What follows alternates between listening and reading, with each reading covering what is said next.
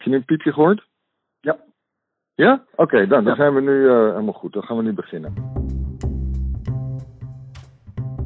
Dit is Mens in quarantaine, de derde aflevering. Sander Pleij belt met Hans Maarten van den Brink. Zijn laatste boek is net uit, Aurora schrijft. En nu zit hij in quarantaine in een houten huis in Frankrijk. Met een doos brieven en een ambitieus boekenplan. Hans Maarten van den Brink, wat aardig dat we je even mogen bellen. Ben je er? Ja, ik ben er. Ah, gelukkig. Nou, Niet, niet in Nederland, maar, maar wel aan de telefoon. Ik, ik zit in Noord-Frankrijk, in Le Grand Est, dat flink getroffen is door de epidemie. Maar dit is een, een, een, een houten huisje wat we hebben, eh, met een prachtig uitzicht en met eh, bos en, en weiland eromheen.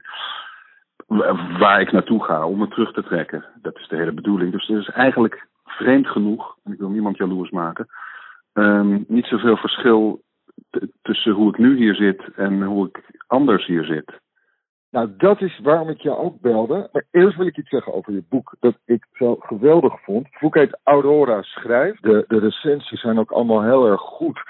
Nou, vertel alsjeblieft even waar het boek over gaat. Want ik vind het zo mooi. Het is, het is gebaseerd op een ware geschiedenis, waar we alleen natuurlijk de details niet van kennen. Dus er is een, het, het is een, een vreemd mengsel van feit en fictie. We weten dat Jozef Pla, een schrijver die in Nederland niet zo bekend is. Er is een dik privédomein ooit van hem verschenen, eh, eh, het Grijze Schrift. Eh, maar wereldwijd toch wel, en vooral ook in zijn thuisland Catalonië. Die, die, is, die heeft in de jaren veertig een verhouding gehad met een, zeg maar, een meisje uit het volk.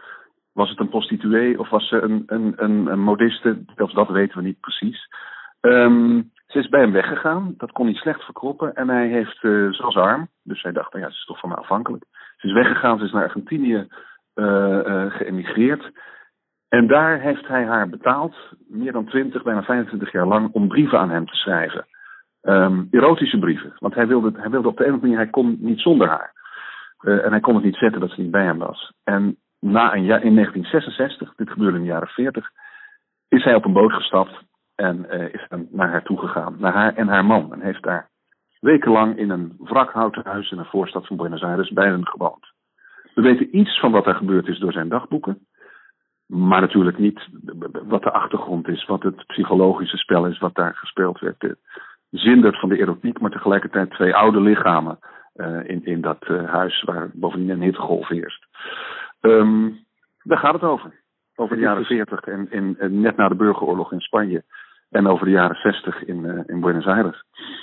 Aan, want je vertelde dat je nu in, eh, eh, in, in, in het buitenland zit. Dan Ja. ik één stukje voorlezen. Want er stond ergens, staat er... Het moet namelijk lijken of hij zich geheel vrijwillig heeft teruggetrokken uit het mondaine leven in de grote steden van Europa en uit spontane overtuiging de lof zingt van het boerse bestaan. Terwijl hij die van het bewerken van de grond of het houden van dieren nog steeds niets moet hebben. Af en toe een praatje met een gerimpelde herder en wat kijken naar de gierzwaluwen en de cipressen met zijn handen op zijn rug. Als het erop aankomt is dat voor Pla al meer dan landelijk genoeg. Kijk, zit jij nu niet landelijk?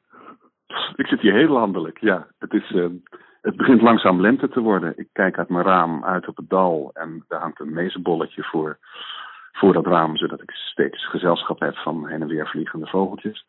Het enige vreemde is dat je dus hier in Frankrijk ehm, niet eh, zonder een formulier en waarop je het doel van je, van je verplaatsing staat eh, de deur uit mag. En dat wordt gecontroleerd.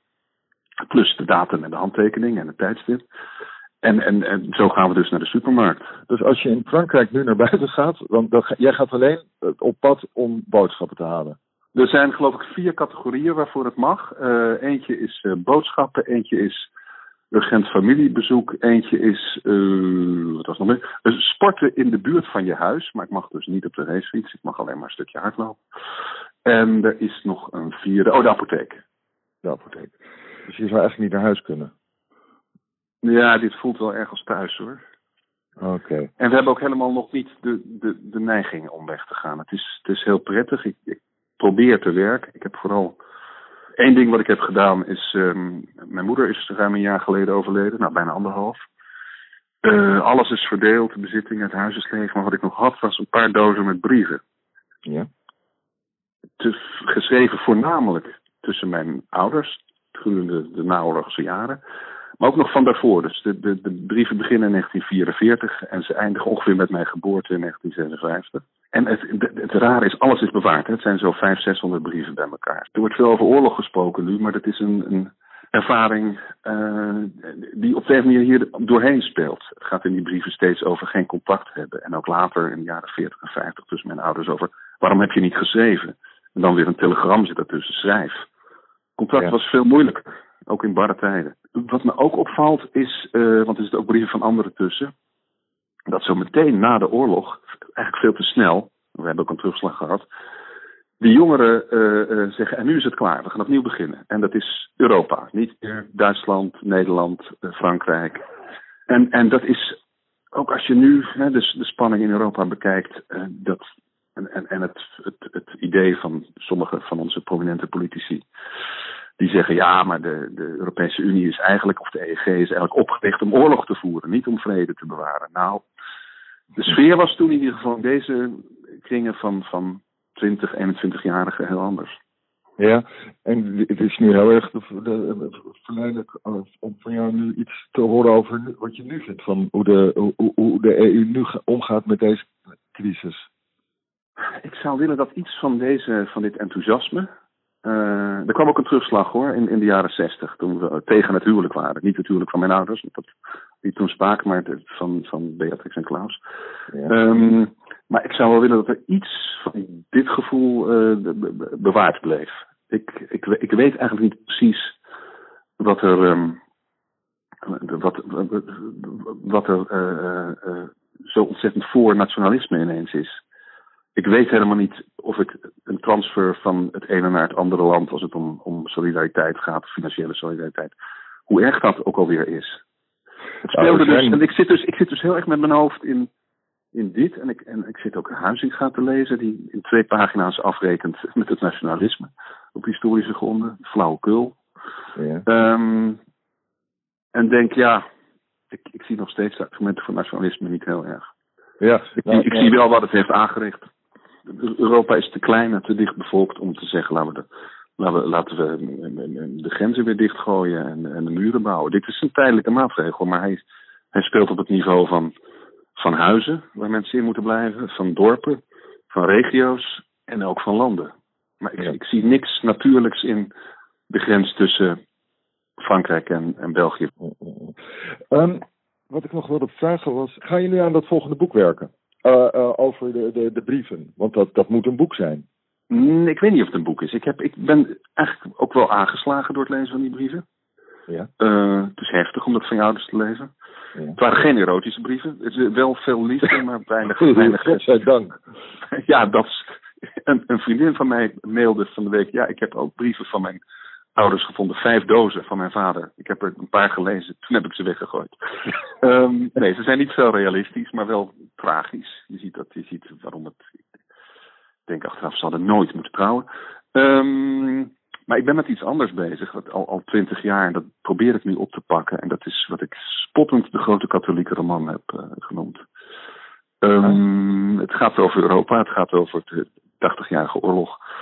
Het gaat over um, iemand die moet kiezen tussen loyaliteit aan de keizer of de koning en, uh, uh, en um, de eerlijkheid, de, de, de, de, de rechte leer.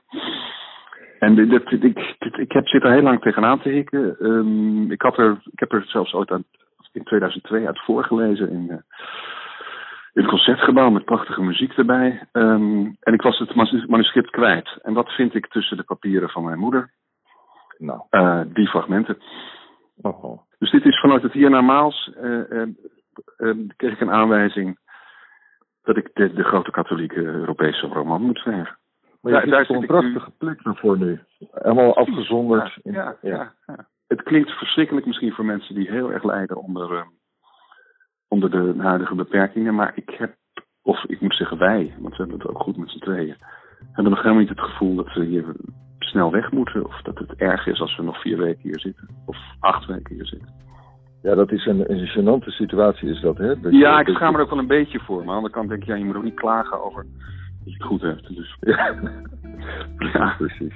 hey, uh, mag ik je ontzettend bedanken. Uh, ik, uh, Schrijft heb ik echt echt, dat is echt een heel erg fijn boek. Mensen kunnen dat dus gewoon kopen bij de uh, eigen boekwinkel.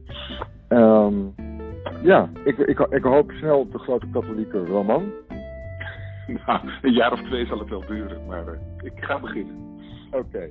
erg bedankt voor dit gesprek. Graag gedaan,